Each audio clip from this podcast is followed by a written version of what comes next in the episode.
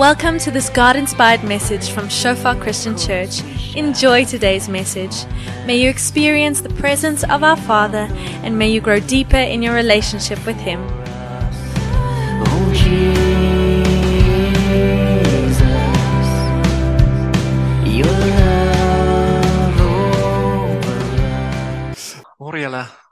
My baie lekker om vanoggend hier so saam met julle te wees. Voorreg om hier te wees. Met julle die woord van God te deel. Nou vanoggend se titel van die preek is Abraham se geloof word getoets. Abraham se geloof word getoets. Nou wie van julle hierso hou daarvan om om toetse te skryf? Daar's dalk Miskien is daar iemand van julle wat nog op skool is, nog op universiteit is. Jy het nou al 'n paar toetse geskryf, 'n paar eksamens, daar's nog 'n paar wat voorlê.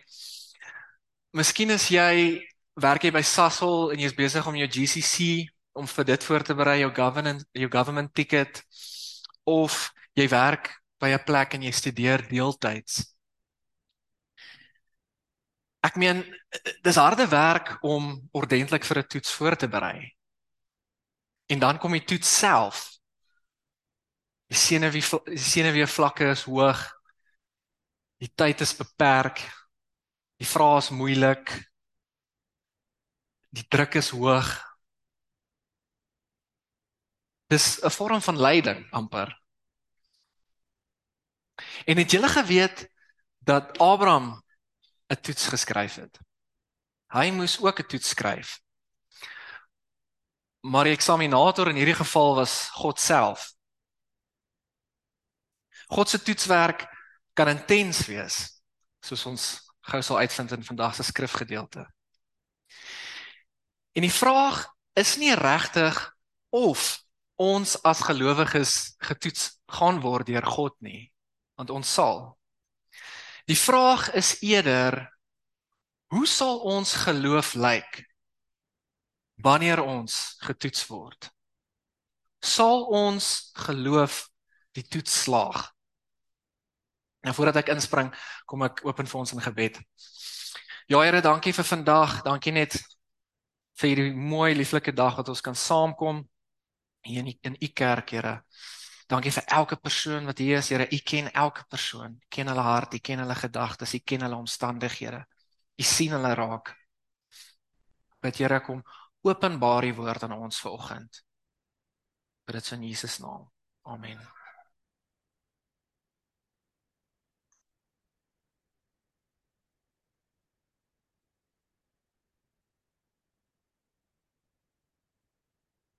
Nou vanoggend se teks kom vanuit Genesis 22 verse 11 tot 19.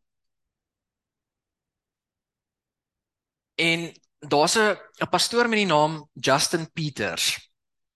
En ek het 'n aanhaling van hom daar op die bord wat hy sê If you want to hear God speak to you, there is one way I guarantee you you will hear God speak to you. Read your Bible.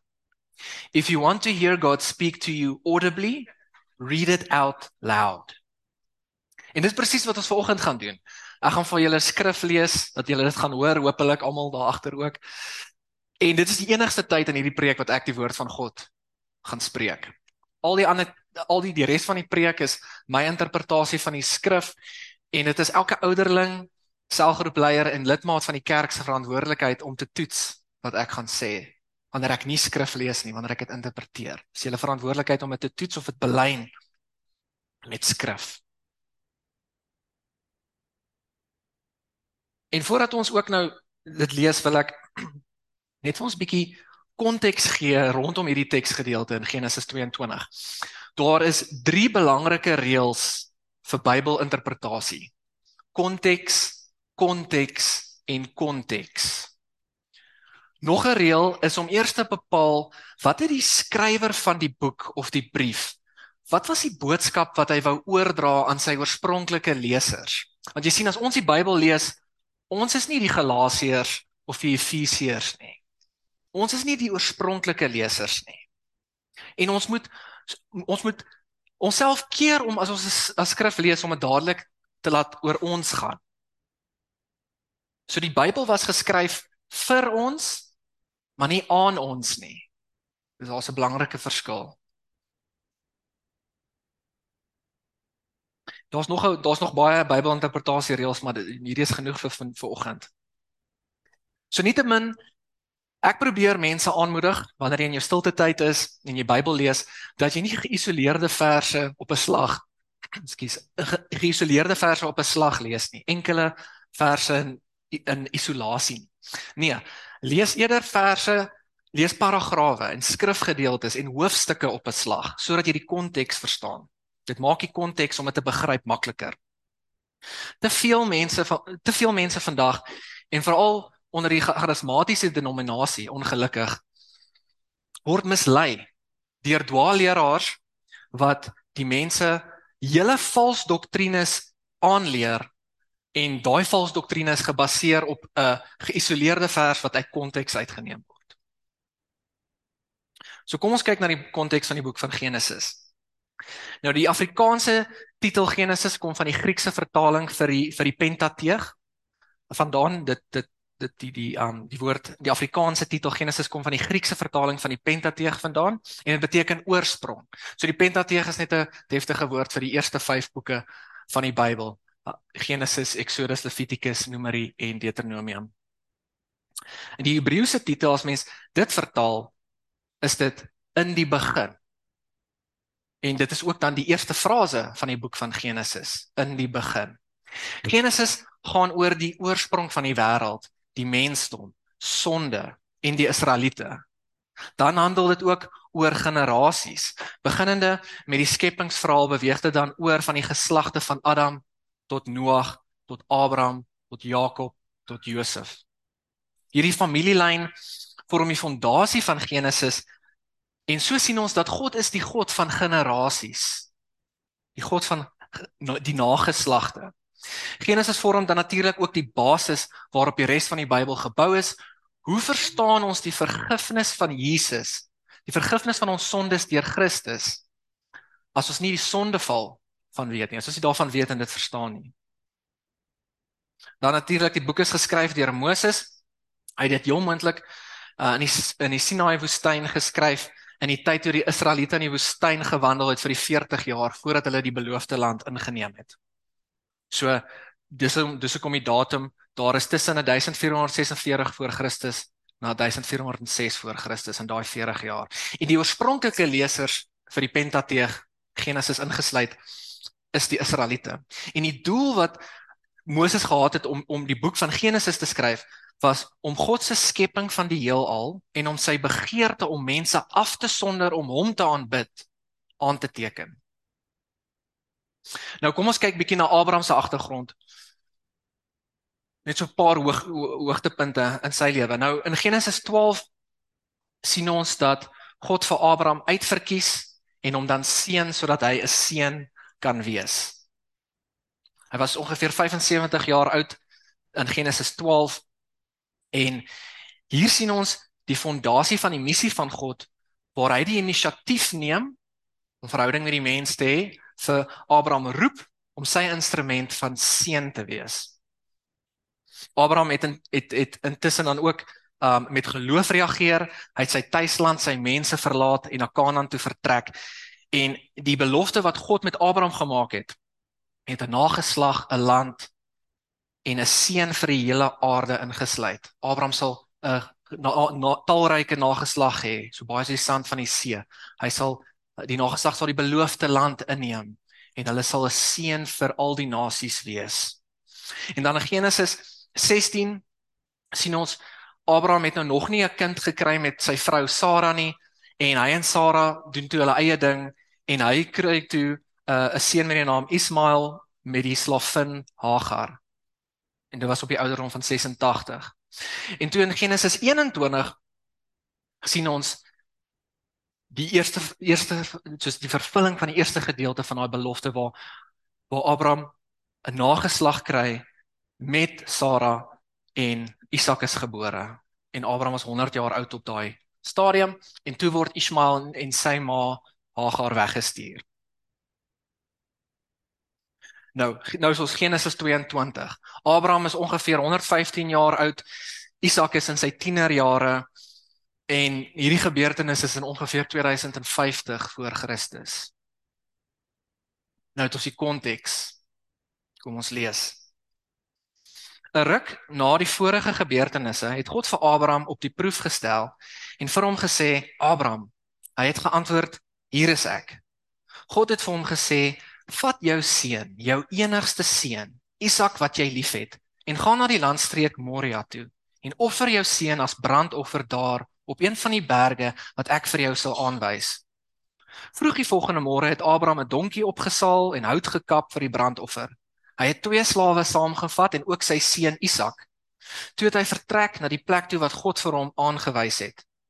Op die derde dag het Abraham die plek uit die verte gesien. Toe sê hy vir sy slawe: "Wag hier met die donkie. Ek en die seun gaan daar aanbid, dan kom ons terug na julle toe." Abraham het die hout vir die brandoffer op sy seun Isak se rug getel en self vuur en 'n mes saamgevat. Terwyl hulle twee so saamloop, sê Isak vir sy pa: "Pa," en Abraham antwoord: "Ja, my seun." Toe vra Isak: "Hier is vuur en hout, maar waar is die lam om te offer?" Abraham het geantwoord: "My seun, God sal sy eie offerlam voorsien." Daarna het hulle twee saam verder gestap. Toe hulle aankom by die plek wat wat God vir Abraham aangewys het, het Abraham daar 'n altaar gebou. Hy het die hout reggesit en sy seun Isak vasgebind en op die altaar neergesit, bo op die hout. Net toe Abraham die mes vat om sy seun te slag, roep die engel van die Here uit die hemel na hom: "Abraham, Abraham." Hy het geantwoord: "Hier is ek." Toe sê God: "Los jou seun, moenie iets aan hom doen nie. Nou weet ek dat jy my dien. Jy het nie geweier om jou seun, jou enigste seun aan my te offer nie." Toe Abraham weer kyk, sien hy agter hom 'n skaapram. 'n Skaapram wat aan sy wat aan sy horings in 'n bos vasgevang is. Hy het die ram gaan vat en hom in die plek van sy seun as brandoffer geoffer. Toe noem Abraham die plek die Here voorsien. Daar word nou nog gesê op die berg van die Here word voorsien. Die engel van die Here het weer uit die hemel na Abraham geroep en gesê: "Dit is ek, die Here, wat praat. Ek lê 'n eed af by myself dat ek jou baie sal seën oor wat jy gedoen het. Jy het nie geweier om jou seun, jou enigste seun aan my te offer nie. Ek sal jou vrugbaar maak en jou nageslag so baie maak soos die sterre aan die hemel en soos die sand van die see. Jou nageslag sal die stede van sy vyande in besit neem. In jou nageslag sal al die nasies van die aarde geseën wees, want jy het my gehoorsaam. Daarna is Abraham terug tot by sy slawe en hulle het almal saam na Berseba toe gegaan. Abraham het daar gewoon.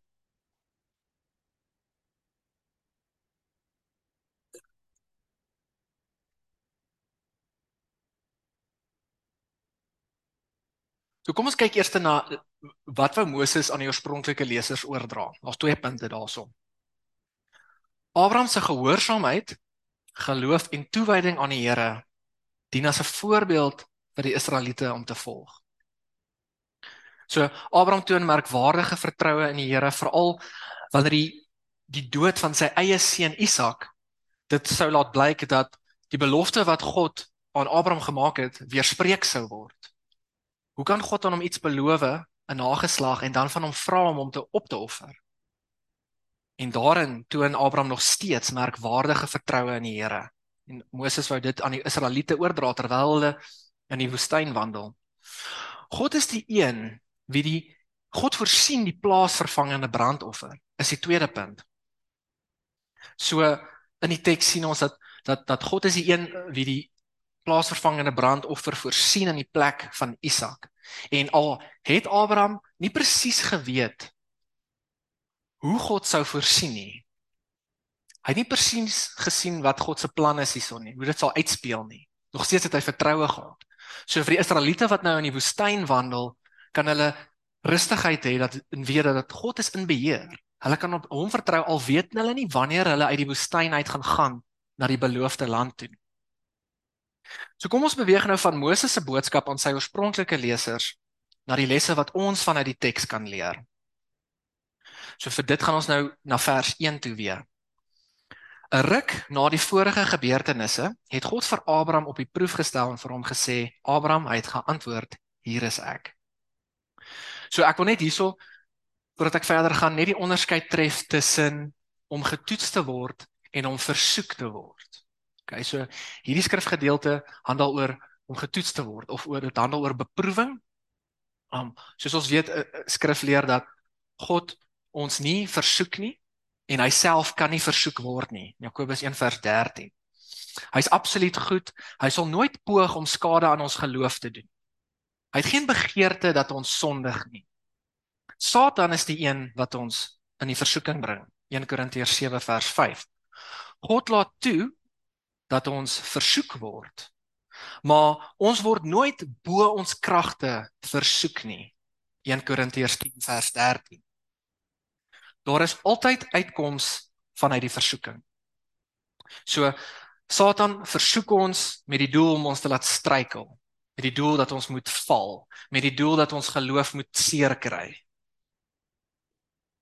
Hierso in Genesis 22 is versoeking nie ter sprake nie, maar toetsing of beproewing. God het Abraham se geloof getoets. Hy het dit beproef. Net so toets God ons sodat ons ons geloof en karakter kan versterk. Deur beproewing word ons geloof gereinig en word dit as eg bewys. 1 Petrus 1:6 tot 7. Ek meen hoe hartseer sal dit nie wees as ons geloof nooit getoets word nie. Ons sal nooit weet of ons werklik gered is of nie. In die kerk verwelkom ons natuurlik gelowiges en ongelowiges. Die deure is oop vir al twee groepe. Ons soek egter nie vals gelowiges nie. Mense wie dink dat hulle gered is wanneer in werklikheid hulle nie is nie. Abraham se toets, Abraham se toets was ontwerp om sy geloof te toets. En vir die toets om eg te gewees het, moes dit nie logies sin maak nie. Dit maak mos nie logies sin as God vir jou sê jy sal 'n nageslag hê en dan vra hy vir jou om jou nageslag op te offer nie. Dit moes iets gewees het waarvoor Abraham sou wou weer weerstaan het. Vir iets iets waarvoor hy sou sou weerstandbiedig gewees het. Ek meen as God vir hom gevra het om Romeis te gaan koop het, dit sou nou nie vreeslik van 'n toets gewees het nie. God het Abraham getoets nie om hom te laat struikel en te laat val soos wanneer die vyand ons kom in versoeking bring nie. Maar God het hom getoets om sy kapasiteit uh, om sy kom, om sy gehoorsaamheidskapasiteit te verdiep. Sy vermoë om gehoorsaam te wees aan God te verdiep. God het hom getoets om sy karakter te ontwikkel. God het hom getoets om sy geloof te versterk. Net soos vuur erts raffineer of affineer, tegniese term, om metale te onttrek. So affineer God ons deur ons beproewings. Soos soos wat mens erts vat en jy dit gaan deur 'n suiweringsproses om goud te kry of om yster te kry. So is dit wanneer God ons beproef. Wanneer ons dan getoets word, wat sal gebeur op een of ander stadium? Kan ons daaroor kla? Dis die een opsie. Of ons kan sien hoe God ons geloof en ons karakter rek en versterk.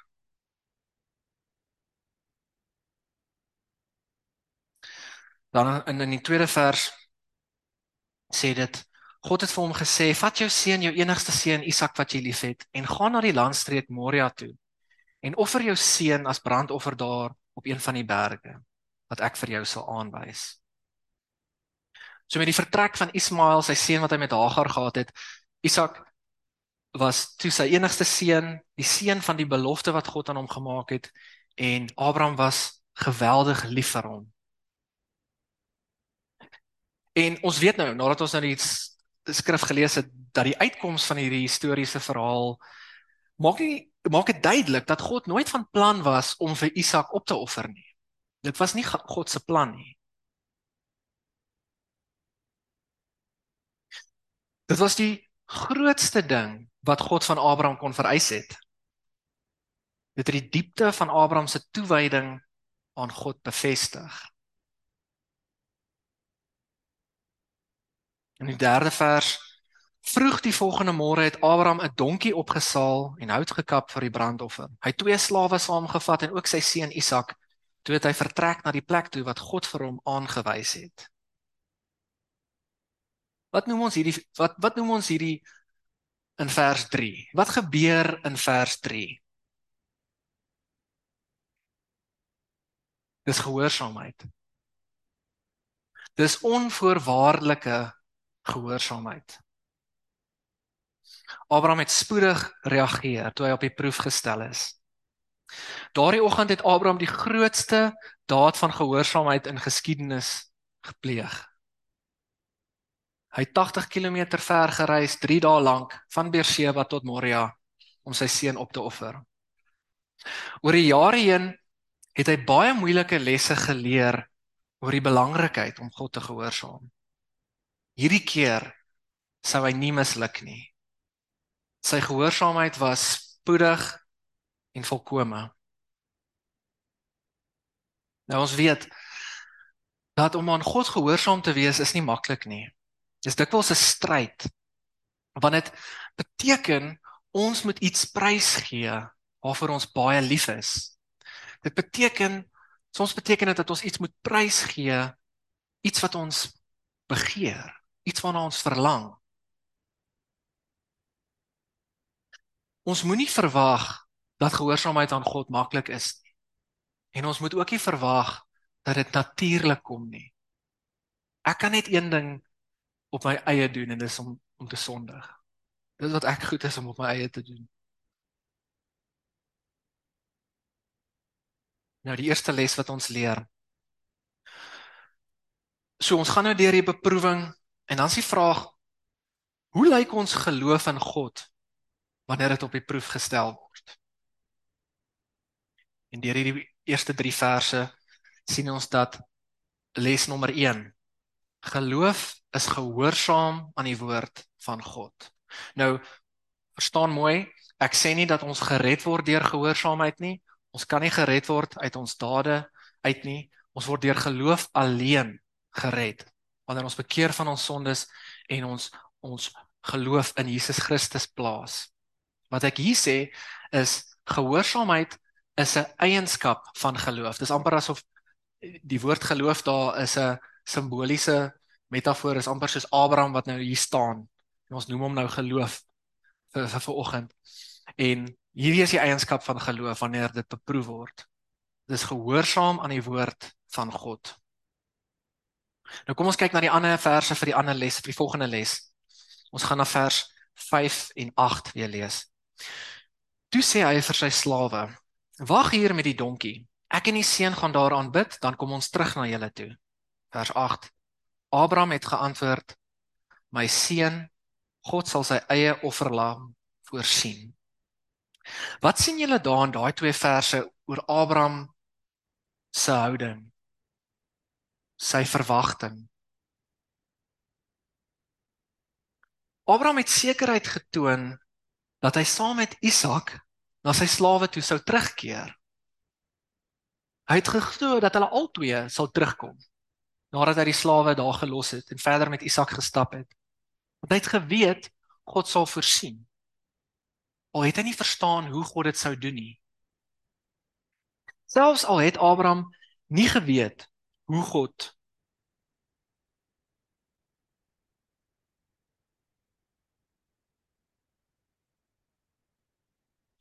weet net weer die plek.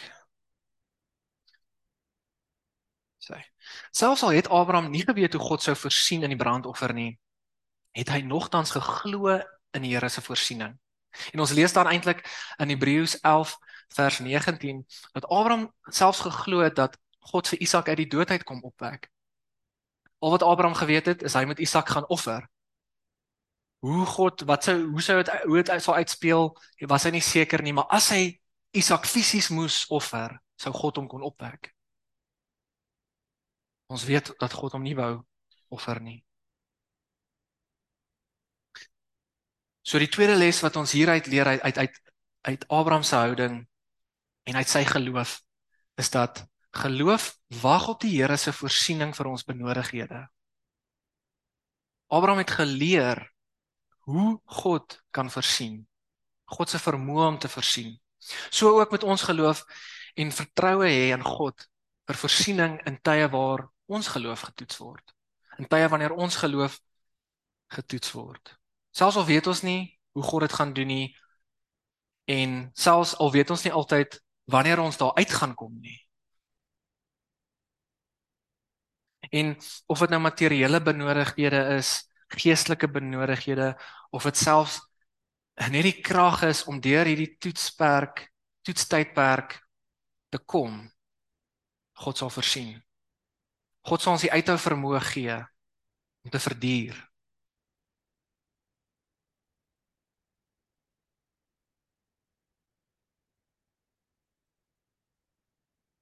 Ons sien ons dat in hierdie geval het God die ram voorsien vir die offer.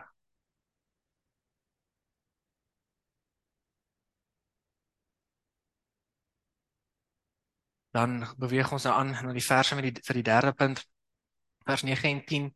Toe hulle aankom by die plek wat God vir Abraham aangewys het, het Abraham daar 'n altaar gebou. Hy het die hout reggesit en sy seun Isak vasgebind en op die altaar neergesit bo op die hout. Net toe Abraham die mes vat om sy seun te slag, roep die engel van die Here uit die hemel na hom. Abraham, Abraham, hy het geantwoord: Hier is ek. Toe sê God: Los jou seun. Moenie iets aan hom doen nie. Nou weet ek dat jy my dien. Jy het nie geweier om jou seun, jou enigste seun, aan my te offer nie. So hierso bewys Abraham dat sy geloof eg is deur sy fisiese dade. Hy was op die punt om vir Isak op te offer. En ons weet ook dat in Jakobus 2 vers 21 dat geloof sonder werke is dood. Dit is nie ware geloof nie. Ons is gered deur geloof, maar vir daai geloof om eg te wees, moet dit saamgaan met werke. God wou nie dat Isak sterf nie. Hy hy wou gehad het dat Abraham Isak in sy hart opoffer. Hy wou gehad het dat Abraham vir Isak in sy hart opoffer. Sodat dit sal duidelik wees dat Abraham vir die Here meer liefhet as wat hy vir sy enigste seun lief is. Ek wil vir elkeen die vraag vra: Sal jou geloof as eg bewys word wanneer jy die dag op die proef gestel word? Soos ek vroeër gesê het, hoe hartseer sal dit nie wees as iemand hulle hele lewe deurbring en dink dat sy of haar geloof is eg en dink dat hy of sy is gered wanneer dit egter nie die geval is nie. Hierdie skrifgedeelte vir, hierdie les leer ons die liefde wat Abraham vir God gehad het meer as vir sy eie seun. Natuurlik ek, ek sê weer eens ons is nie ons dis nie beteken nie dat ons ons kinders nie moet lief hê nie. Natuurlik ons moet ons ons kinders ons medemens lief hê. Maar waar lê ons prioriteite in ons verhoudings? Is dit ons verhouding met die Here vir ons die belangrikste of ons verhouding met mense en wat mense van ons dink? Ons is geroep om God met ons hele hart, siel, verstand en krag lief te hê. So dit bring ons by les nommer 3. Geloof gee die beste van ons aan God oor sonder om iets terug te hou. God wil graag 'n verhouding met ons hê. Hy soek ons alles, alles van ons. Ons liggaam, ons siel, ons gees, ons verstand, ons wil, ons hart, Hy soek dit alles, hy soek ons beste. Ons moet vir God lief hê oor almal en alles. Dan die vers die verse wat te doen het met die laaste les. Vers 13. Toe Abraham weer kyk, sien hy agter hom 'n skaapram wat aan sy horings in 'n bos vasgevang is. Hy het die ram gaan vat en hom in die plek van sy seun as brandoffer geoffer. En hierdie is die eerste keer in die Bybel waar ons sien waar ons 'n plaasvervangende offer het van een lewe in die plek van 'n ander lewe. So die lewe van die ram in die plek van Isak se lewe, 'n plaasvervangende offer. Nou klink dit bekend vir julle, 'n plaasvervangende offer. Daar's 'n paar parallelle wat ons kan sien tussen hierdie Ou Testament teks en die Nuwe Testament. Neem ag van die parallelle tussen die ram wat op die altaar geoffer is in die plek van Isak en Christus wat aan die kruis geoffer is as 'n plaasvervangende offer vir ons. Jesus deur sy woord Ekskuus, Jesus deur sy offer vervul die simboliek van die Paasfeeslam en die ander Ou Testament offers um wat ons lees en wat ook soortgelyk is aan hierdie een in Genesis 22. Jesus was die vlekkelose lam sonder liggaamsgebrek. Dan sien ons nog parallelle in vers 15 tot 16. Die engel van die Here het weer uit die hemel na Abraham geroep en gesê: "Dit is ek, die Here wat praat. Ek lê 'n eed af by myself dat ek jou baie sal seën oor wat jy gedoen het. Jy het nie geweier om jou seun, jou enigste seun, aan my te offer nie." Klink dit bekend? Abraham se toewyding is parallel aan God se liefde vir ons in Christus. Abraham beeld die Vader uit in hierdie in hierdie oomblik. Alhoewel waar God vir Abraham gekeer het om sy seun Isak te offer, het God nie sy eie seun Jesus gespaar van die dood aan die kruis nie.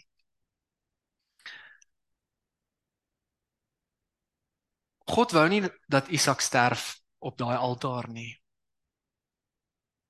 God het vir Jesus gestuur om vir ons te sterf.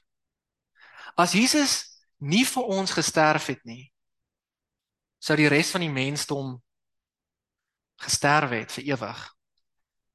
God het sy eie seun gestuur sodat ons gespaar sal kan word van die ewige dood in die hel.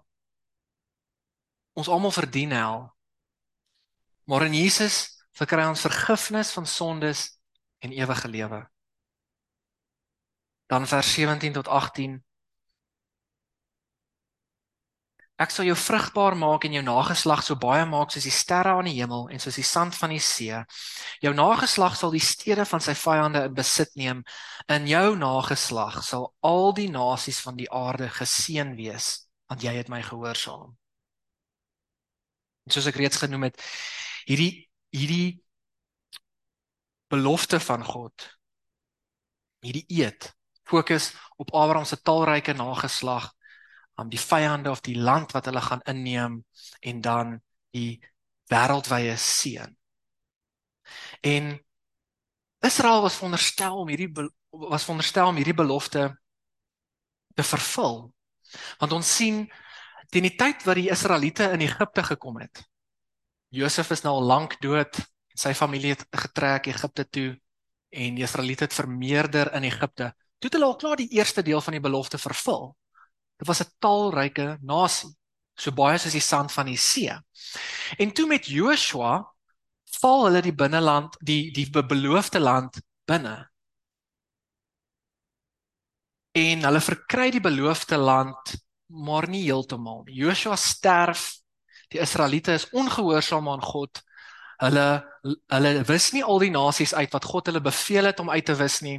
En so neem die Israeliete die gode van die ander nasies aan. Hulle trou met hulle dogters en die hele pad van afgoderry skop af. En tot vandag toe die Joodse Israeliete kon nog nooit die tweede deel van die belofte vervul nie. Hulle veg nou nog oor daai land. Hulle was veronderstel Hulle was veronderstel om die priester nasie te wees, die nasie van priesters. Hulle was veronderstel om nadat hulle die beloofde land binne geneem het, hulle was hulle moes dan die seën van al die nasies gewees het in die wêreld. Hulle moes die mense van die wêreld gewys het wie is God. Die wêreld moes na hulle kyk om vir God te sien. En vanuit die hele Bybelse perspektief word hierdie belofte vervul in Jesus.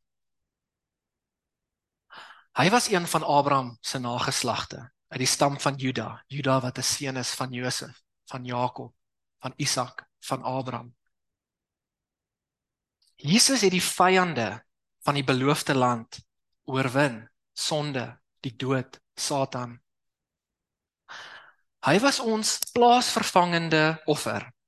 Hy het vir ons sondes aan die kruis gesterf die derde dag weer opgestaan en vergifnis van sondes en die ewige lewe word in hom gevind. Jesus is die seun vir die nasies.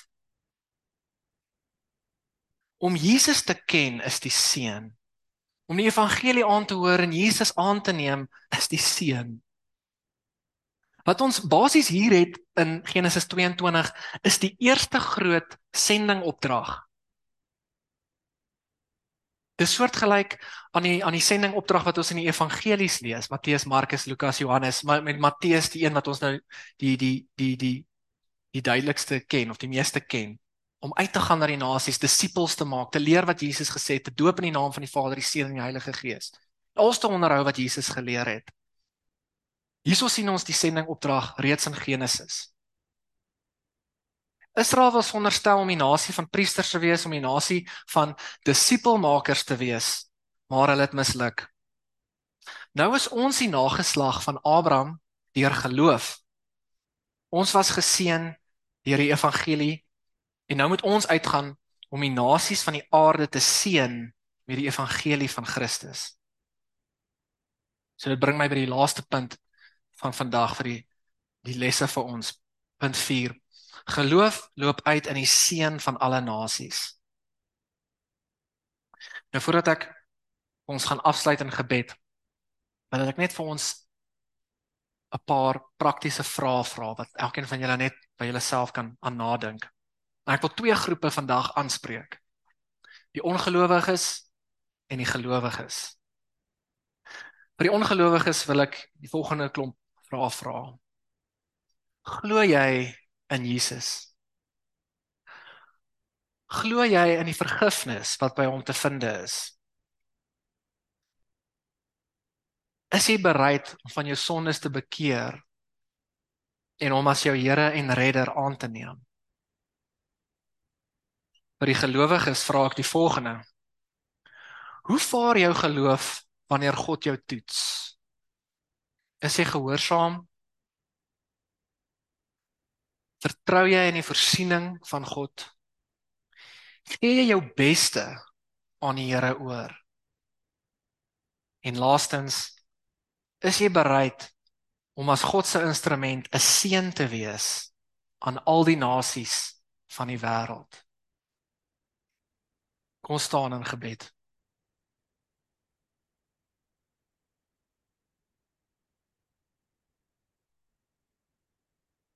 Ek gaan terwyl ek bid, gaan ek vir elke persoon die vrymoedigheid gee om te reageer op vanoggend se skrif. So terwyl ek bid, as die Heilige Gees vanoggend jou oortuiging in jou hart gegee het om jou hart vir Jesus vir die eerste keer te gee om te bekeer van jou sondes. Of dalk is jy reeds gered jy wil net jou daaglikse sondes bekeer soos wat ons in die onsse Vader gebed leer. Dan wil ek jou uitdaag om vorentoe te kom en 'n plekkie hierso by die verhoog te kry en op jou eie in stilte na God te bid. As daar enigiets anders is wat God uitgelig het van die preek en die, die stuk in Genesis 22 en jy wil daardeur bid en met God daar praat kom vorentoe. Daar's niks spesiaal aan hierdie verhoog nie. Ons lees nie in die Bybel dat mense verhoog toe moet kom om te bid nie. Wat ek net vanoggend wil hê is dat ons is die kerk van Christus, die lewende liggaam van Christus. En is mense hierso wat in die gees reageer het. Maar nou wil ek hê as simboliek moet ons in die vlees reageer. Net as simboliek om te wys dat ons die stap neem. So voel vry om vorentoe te kom en te bid terwyl ek bid. Ja, Here, hoe wonderbaarlik is U naam. Here, U wat alreeds in Genesis van die begin af, Here, sien ons U hart vir die missie van die nasies. U wil U wil U mense hê. U wil 'n verhouding wees met ons. Dankie Here dat ons op U kan vertrou, Here. Selfs as ons weet dat ons in 'n toetstydperk is, dat U ons beproef, dat ons op U kan vertrou. Ja, Here, soos wat ons sien in Abraham se lewe.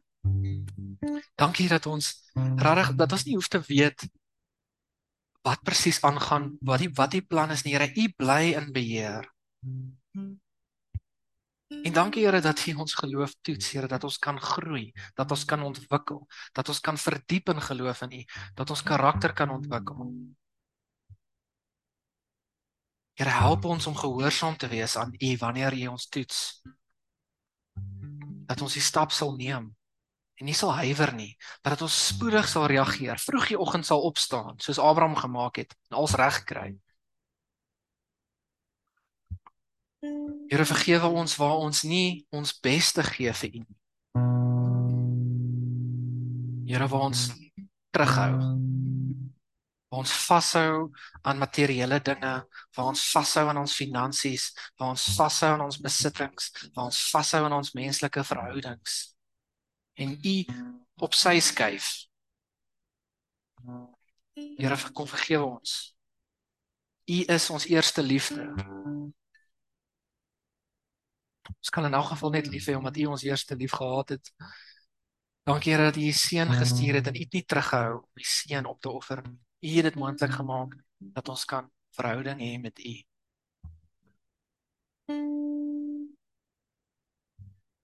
Here help ons om 'n seun te wees vir ander. Here dat ons die die goeie nuus, die vergifnis van ons sondes, die ewige lewe, die verhouding met Jesus dat ons dit kan deel met ander en dat ons soos die kerk die rol vervul van die Israeliete in die Ou Testament dat ons U naam sal verheerlik en verkondig. Here, dankie vir elke persoon hier. Ja, U is lief vir almal van ons en ons kan nie vir U dankie genoeg sê vir U liefde nie. U onvoorwaardelike liefde. Dat U naam geheilig word, dat U koninkryk kom, Here. En laat U gewil, U wil geskied. Ek bid dit so in Jesus naam. Amen.